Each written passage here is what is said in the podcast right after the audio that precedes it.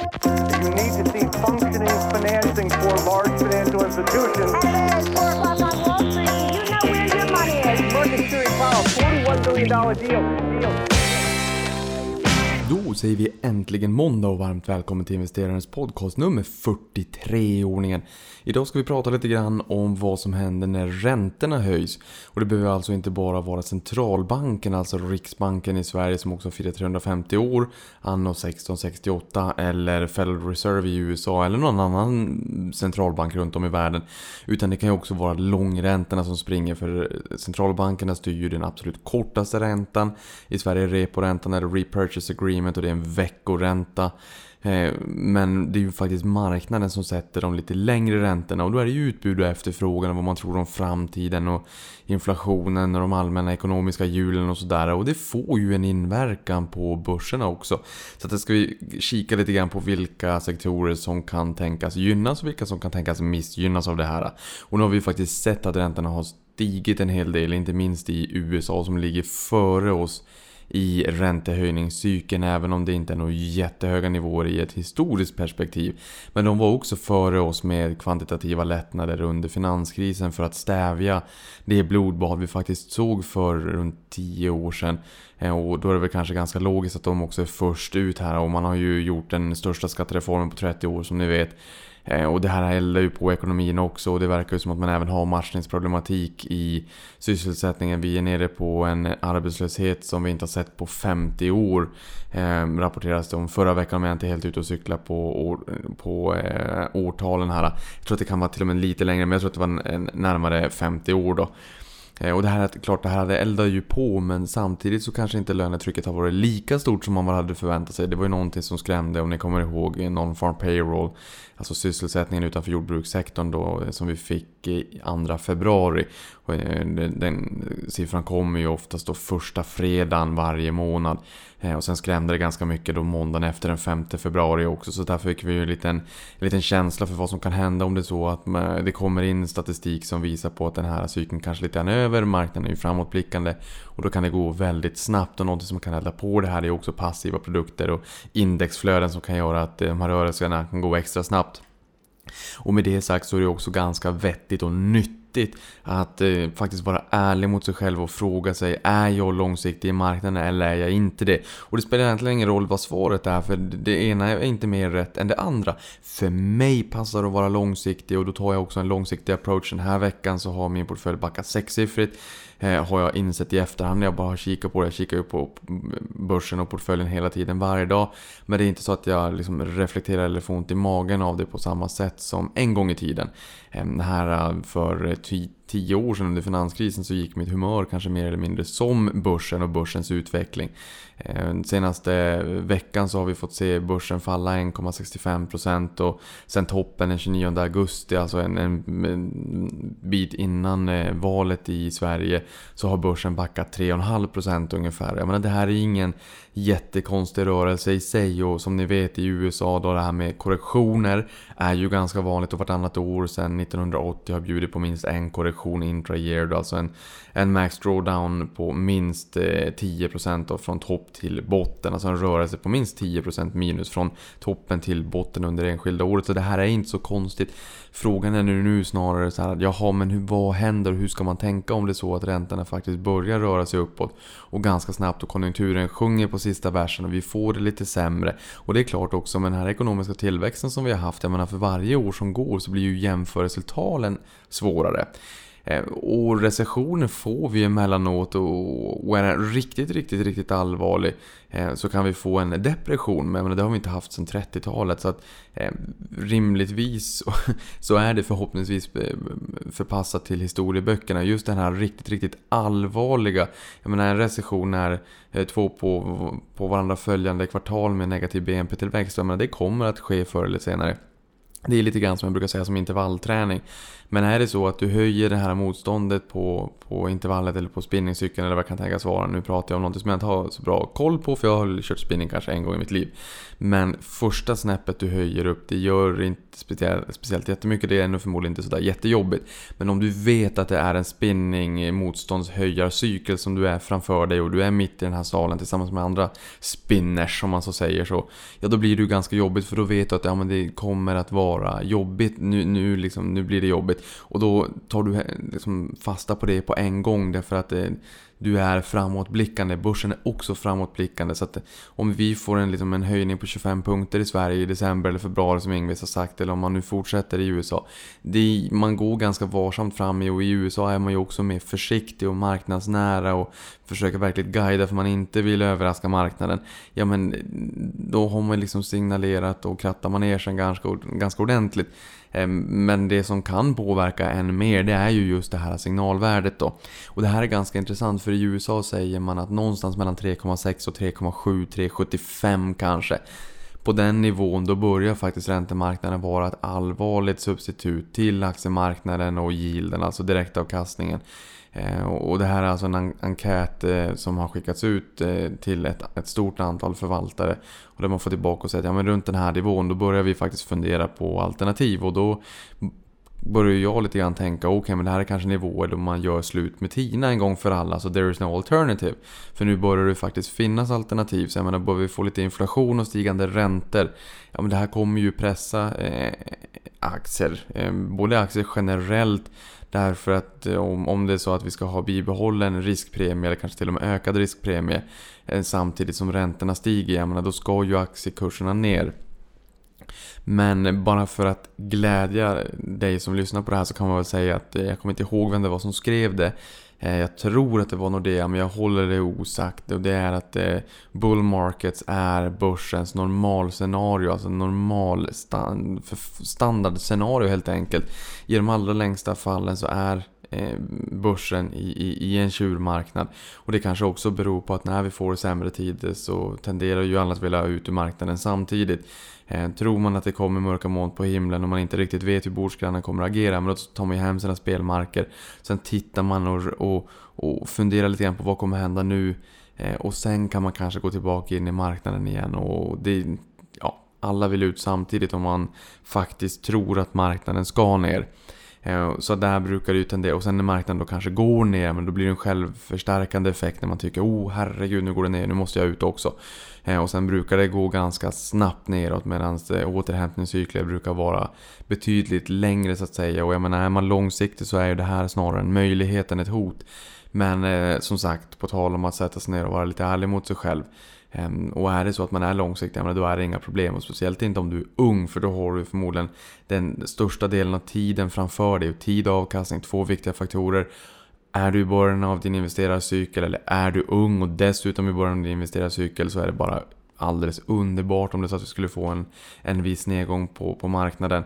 Eh, för att de bästa affärerna görs i de sämre av tider. När man tittar på vad börsen har gett i, i snitt de senaste åren.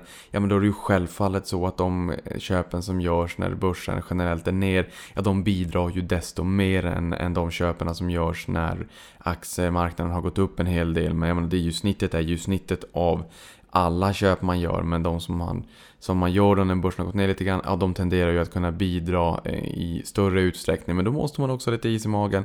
Man måste våga och som jag brukar säga, man måste också ha en eh, inköpslista. Eller måste, men det är, en, det är ju en fördel att ha en inköpslista och veta lite grann vad det är för bolag, för aktier man vill köpa på sig lite grann mera om det så att vi får en nedgång i marknaden. Jag tycker att det är vettigt också att eh, fundera kring ja, men vilka bolag ska jag ha i portföljen? Ska jag ha de här långsiktigt eller inte? För då sover man godare om natten, då kommer man också att våga faktiskt köpa på sig mer när eh, börsen går ner. Någonting annat som är ganska eh, immun mot en, en nedgång det är ju om det är strukturella trender kanske eller megatrender som egentligen fortsätter växa alldeles oavsett ränteklimatet.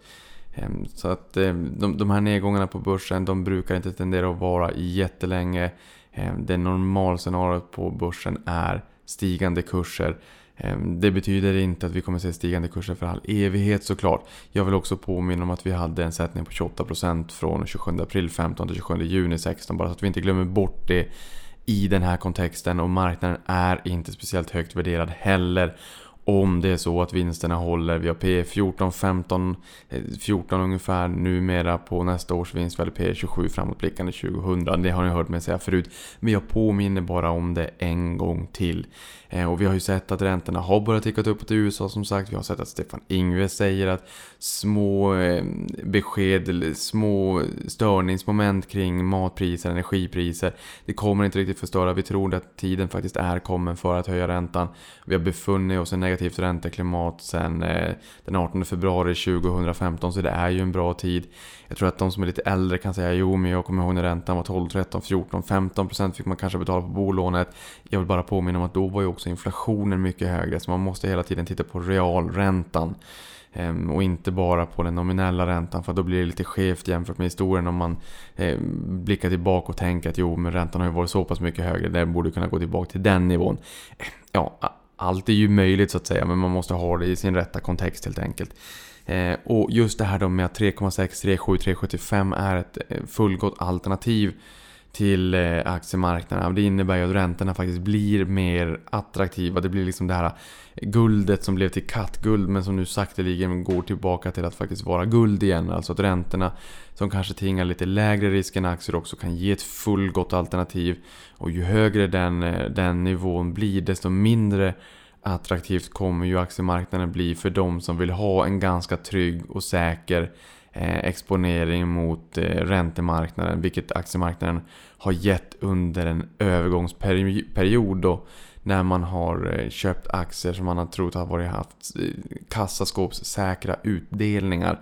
Och där man har liksom ägt dem som ett substitut då när vi har haft riktigt låga räntor. Där det caset kan nog kanske sjunga på sista versen. Däremot ska vi också säga att eh, man, det finns ju den här, eh, det här klassiska citatet att mer pengar har förlorats på att försöka förbereda sig på en marknadsnedgång än de pengarna som faktiskt har förlorats under en nedgång. Och jag, jag såg här i, på, i en tidning idag att man, det var en expert tydligen som då hade sagt att ja, aktiemarknaden ska ner 50%. Det här kommer vara en monumental krasch. Sen hade samma vederbörande person också skrikit börsnedgång under väldigt många tider så det blir lite grann som att ropa på vargen till slut. Ja, säger man det nog många gånger så får man väl rätt någon gång. Sen var det någon annan expert som sa att nej, det kommer fortsätta gå upp, det kommer, vi, liksom, vi ser sekulära eh, tillväxttrender nu och vi har AI och vi har big data och bolagen investerar mycket för att liksom, vi, vi, vi har liksom bara sett början på den nästa era så att säga och bolagen springer bara snabbare. Eh, vad, vad, ska man göra av det här som lekman? Ja, det, det, är en jättebra fråga. Jag tror det kommer alltid finnas de som säger att börsen ska upp och det kommer alltid finnas de som säger att börsen ska ner. Jag tror att det viktigaste egentligen bara är att eh, blicka mot horisonten, våga vara långsiktig, hitta de bolagen man vill ha i portföljen, spara löpande, dutta in lite extra om börsen går ner.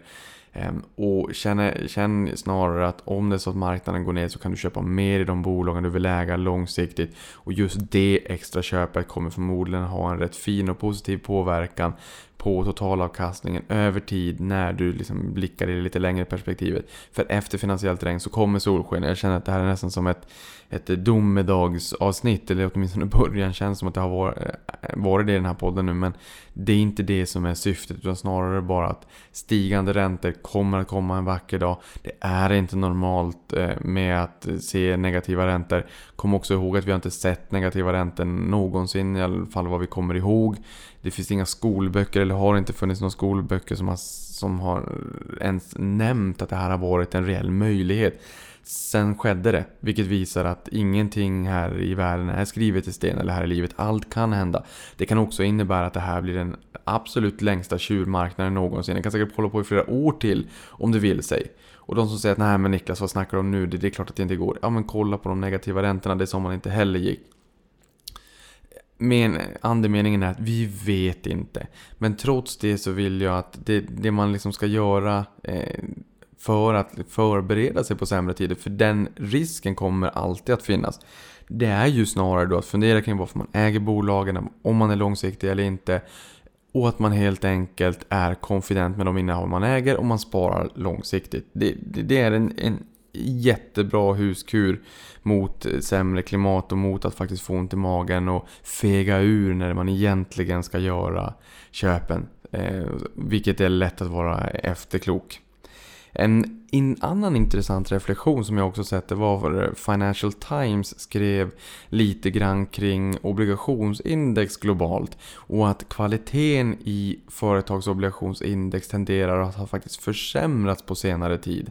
För tittar man på hur den sammansättningen ser ut, det finns ju olika kreditbetyg, olika nivåer från Fitch, Moody's och Standard Poor's som är tre stycken stora ratinginstitut.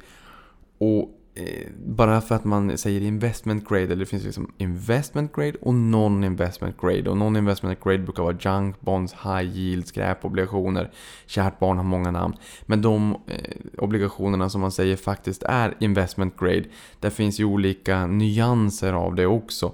Och den här sammansättningen såg faktiskt bättre ut förut än vad den gör idag. Så det är ju också ett litet korn till en viss oro, speciellt om det är så att vi får en snabb och okontrollerad eh, stigning av, av räntan. Eh, där skrev Financial Times att andelen av BBB-ratade obligationer är 49%. Så att i investment grade-segmentet så är varannan obligation i snitt triple B-ratad vilket är sämre kreditvärdighet, sämre betyg än 2006 innan krisen. Ni vet nedgången började 13 juli 2007 eh, och då var den här nivån på 35%. Nu är den alltså uppe i 49%. Och någonting annat som också är värt att poängtera det är att skuldsättningen har gått från 1,4 gånger till 2,5 gång. Så att även den har ju ökat en hel del. Eh, nu har vi fått en skattereform i USA, det leder förmodligen till ökade vinster, bättre kassaflöden, bättre återbetalningsförmåga, man kommer säkert kunna få ner skuldsättningen. Men det till trots, är det så att vi får se räntor som stiger väldigt snabbt, ja, men då kommer det kunna bli ganska jobbigt för de här bolagen. Och det här är en liten latent risk som man inte vill ska blåsa upp helt enkelt. Eh, och det här är ju också ett bekymmer globalt för eh, väldigt många bolag, länder med, med mera. Just att skuldsättningen har ökat ganska mycket under det här årtiondet. Både den privata skuldsättningen men även den, eh, på statlig nivå helt enkelt och, och bolagsnivå då. Ehm, så att det här delevering, eh, det är någonting som kan bli ett tema framåt när man liksom ska minska balansräkningarna, minska skuldsättningen. Och det är klart att det kan slå på eh, konsumtionen inte minst från privata hushåll. Och det är ju en stor komponent för BNP i väldigt många länder. Så det är klart att det här kan ju bli jobbigt helt enkelt. Ehm, och tittar vi på värderingen på aktiemarknaden då, för nu har vi sett att eh, 10-åringen i USA har börjat eh, på uppåt ganska mycket. Och här vill jag också påminna om att bara för ett antal månader sedan så var, var man livrädd för att eh, räntan skulle, alltså 10-åringen då, skulle upp i eh, 3% nivån och att det var en väldigt psykologisk nivå. Och riktigt varför man tyckte att det var så psykologiskt, ja det, det står väl skrivet i stjärnorna men vi gillar ju ofta att eh, fästa blicken på olika nivåer och sådär. Eh, nu har räntan gått upp en bra bit över 3% och Trots det har marknaden inte varit jätteorolig men nu börjar man liksom lägga ihop eh, de olika pusselbitarna och, och bli lite mer orolig helt enkelt.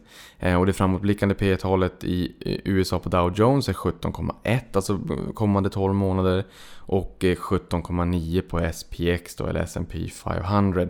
Och det här ger en earnings yield på 5,8% på Dow Jones och eh, 5,6% på S&P 500. Och det här kan man, man kan tycka är snålt tilltagen eh, riskpremien. riskpremie. Earnings yielden det tar du genom att ta ett delat på P talet Ehm, så så tar du ett P-tal på 33 och så 1 delat på 33, ja men det kommer ju vara 3% i sådana fall. Så det här är ju ett enkelt sätt att se börsens avkastning i procentform och jämföra det med en 10-åring då. Oftast då är det ju 10-åringen man jämför med, alltså inte Riksbankens reporänta som är den här veckoräntan utan man jämför med långräntan då. Och det är ju avkastningen på olika löptider om man liksom plottar ihop de här tillsammans från reporäntan, alltså veckoräntan till 10-åringen och så plottar man eh, månaders räntan, 6 månaders räntan, 1 års räntan, 2 års räntan, 3, 5 års räntan, 7 års räntan, 10 års räntan. Då får man ju yieldkurvan eller avkastningskurvan då och allt som oftast så lutar den ju uppåt då. Vilket innebär att ju längre tid man har våra pengar desto mera ersättning vill man som investerare ha för det här. Så allt som oftast om det inte är så att man har riktigt negativ vy, alltså marknaden har en riktigt negativ vy på framtidsutsikten och konjunkturen de kommande åren så, så är det ju en, en uppåtlutande kurva det här då.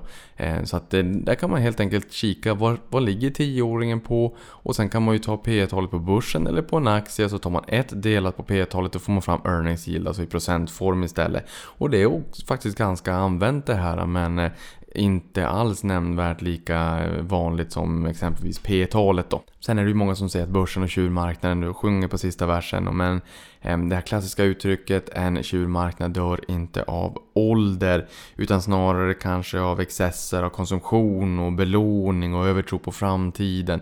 Så det återstår att se hur länge det här får hålla i sig och det finns även eh, lite analys från LPL Research som skriver om att ingen enskild månad har haft lika många svängningar över 1% som oktober månad om vi kikar på S&P 500 sedan 1950.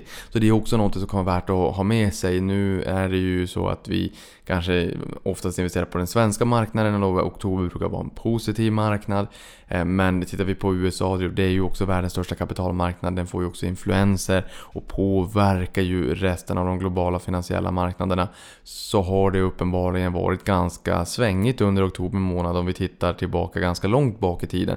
Så det är ju också något som kan vara värt att ha med sig. Men nu, så här, långräntorna stiger ju, det, det, det materialiseras ju här och nu. Och det måste vi förhålla oss till. Men man kan också ha med sig att oktober brukar vara lite svängigt och som man inte får alldeles jätteont i magen. Någonting annat som är intressant också det är att samma analysfirma menar på att det här med att stigande räntor betyder eh, per automatik en svag börsutveckling inte riktigt stämmer. Eh, och här har man tittat på statistiken ganska långt tillbaka även den här gången då. Och då har man sett att sedan 1996 så har vi haft 12 perioder med stigande 10-åring och marknaden har faktiskt stärkts varje gång.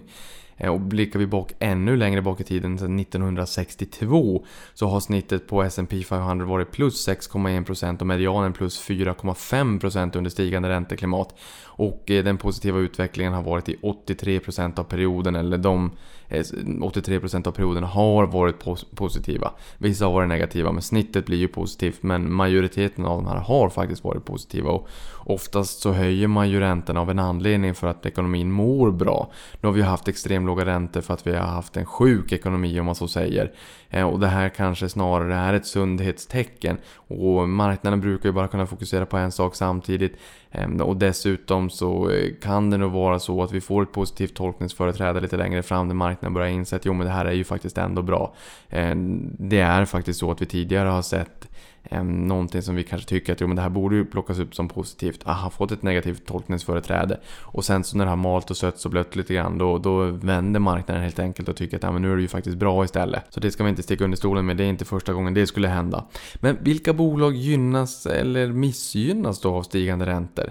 Ja, aktier som har blivit yield cases, alltså de här en, en obligationsulv i, i fårakläder, alltså där man tycker att räntemarknaden har blivit alldeles för Attraktiv och Eh, börjar slänga sig med begrepp som TIN, alltså there is no alternative till aktiemarknaden. Ja, de kommer nog få stryka på foten snabbast när långräntorna börjar stiga upp och faktiskt eh, kan erbjuda ett fullgott alternativ till eh, kupongerna då som man klipper på, på eh, lite mera stabila mellanmjölksaktier. Eh, så det är väl det första yield cases då. Alltså då substitut till ränteplaceringar helt enkelt. De får stryka på foten. Likväl som förmodligen då fastighetsaktier. Eh, Fastighetsaktierna är ju beroende av räntorna eftersom att det är en rätt stor lånekomponent i många fastighetsbolag. Men även om eh, de förmodligen skulle säga att både kapital och räntebindning faktiskt är eh, betryggande och det kommer nog dröja ett tag innan det här faktiskt slår igenom samtidigt som om inflationen stiger då kommer då hyrorna att indexeras upp och sådär men marknaden är ju framåtblickande och vi bör kunna få en sektorrotation om det är så att vi ser stigande räntor. Det har vi redan sett lite grann och fastigheter är onekligen ett tillgångslag som missgynnas av stigande räntor. Men jag menar samtidigt som vi brukar säga, börsen eh, tenderar att reagera ganska fort, aktierna går ner ganska mycket så att när det väl händer då kanske marknaden redan eh, har tagit fasta på det här. Så att är det så att man är lång i fastigheter som kanske en del av portföljen så är det inga konstigheter kan jag tycka långsiktigt att plocka på sig lite guldkorn om det är så att de skulle eh, få en liten tuffare period på börsen. Sen har vi bostadsutvecklare, jag menar, där även där de har haft det väldigt jobbigt och jag menar, är det så att vi får stigande räntor, eh, inte nog med att vissa av dem är ju faktiskt inte så kapitalintensiva, det ska man ju eh, inte sticka under stolen med. Därför att de lägger sig bara som ett lager mellan beställaren eller kunden då och eh, under entreprenaden som, som bygger allt det här. Beskab var ett sånt exempel när Anette Frumeri var och besökte podden här för ett gäng avsnitt sen. Så berättade hon ju liksom att de mer eller mindre är som ett eh, filter mellan då byggare och, och, köpare och att de inte har speciellt stort kapital bundet i verksamheten. Men det är likväl, är det så att räntorna börjar ticka på uppåt så kommer det ju också göra att man inte kommer att kunna låna lika mycket helt enkelt och, och när man går till banken och, och, ska låna och så där. Det är klart att det här påverkar ju. Och sen har vi ju andra kapitalintensiva bolag också som kommer få det lite jobbigt och, och speciellt de bolagen som eh, har eh, lånat väldigt mycket pengar och även konsumentrelaterat. För jag menar, är det så att räntorna stiger och vi har konsumentkrediter och bolån och allt vad det kan tänkas vara. Då får vi mindre pengar kvar i plånboken och det kommer också leda till en mindre efterfrågan. Ehm, så att det är väl de i stort som bör eh, missgynnas av ett stigande ränteklimat. Ehm, där de bolagen som däremot kanske gynnas av det här det är, det är ju klassiskt sett banker och eh, försäkringsbolag. Det är ju alltså klassiker. Sen kan man också tänka sig techbolagen, för de är ju inte kapitalintensiva och de påverkas ju inte riktigt av ränteklimatet. Jag tror inte vårat eh, nyttjande av FANG-aktien om man så säger, alltså Facebook eller Amazon eller Netflix eller Google eller moderbolaget Alphabet. Eller kanske Apple för den delen om man ska lägga till dubbel A där. Påverkas jättemycket av ränteklimatet. Eh, utan det här är ju bolag som vi har som en integrerad del i vår vardag och som vi förmodligen kommer fortsätta nyttja även om det är så att räntorna stiger. Ehm, och sen har vi ju hälsovård också som borde klara sig relativt smärtfritt också. Och vi har ju sett en, en sektorrotation från tech till hälsovård i USA under sommaren. Någonting annat, eh, bara för att gå tillbaka till bolag som borde klara sig relativt bra. Ja, det är ju bolag som har strukturella trender. Alltså någon form av sekulär tillväxt eller strukturell trend som eh, gynnas av eh, andra krafter än bara hur de ekonomiska hjulen mår här och nu och vart i konjunkturen vi befinner oss. Eh, så som e-handel och gaming och clouding och, och ja, allt vad det kan tänkas vara. Den här typen av trender som är lite mer långsiktiga till sin karaktär helt enkelt. Ehm, och sen kan det nog också vara så att defensiva aktier som läkemedel, telekom och dagligvaror kanske tenderar att klara sig bättre än cykliskt om konjunkturen skulle vända. Men nu sa jag ju alldeles nyss här att eh, eh de här ränte eller obligationsulvarna i fårakläder skulle kunna ta lite stryk. Och det är ju typiskt dagligvaror som har haft en sån liten, eh, ett litet epitet, både Axfood och Ica. Med kupongklippare där man kanske har lämnat räntemarknaden för att ge sig in i aktiemarknaden för att alternativen har varit få. Och de kanske kommer att kunna få stryka på foten. Men jag menar, är du långsiktig där, då kanske det kommer kunna dyka upp lite lägen helt enkelt. Ehm, så att det här är ju egentligen klassisk materia. Man brukar säga att banker och försäkringsbolag brukar gynnas. Bankerna de har ju missgynnats under ganska lång tid just för att man har fått in inlåning samtidigt som det kostar pengar att hålla pengar. Är det negativ ränta om man inte får utlåning eller inte kan sätta de här pengarna i arbete som man får in från allmänheten.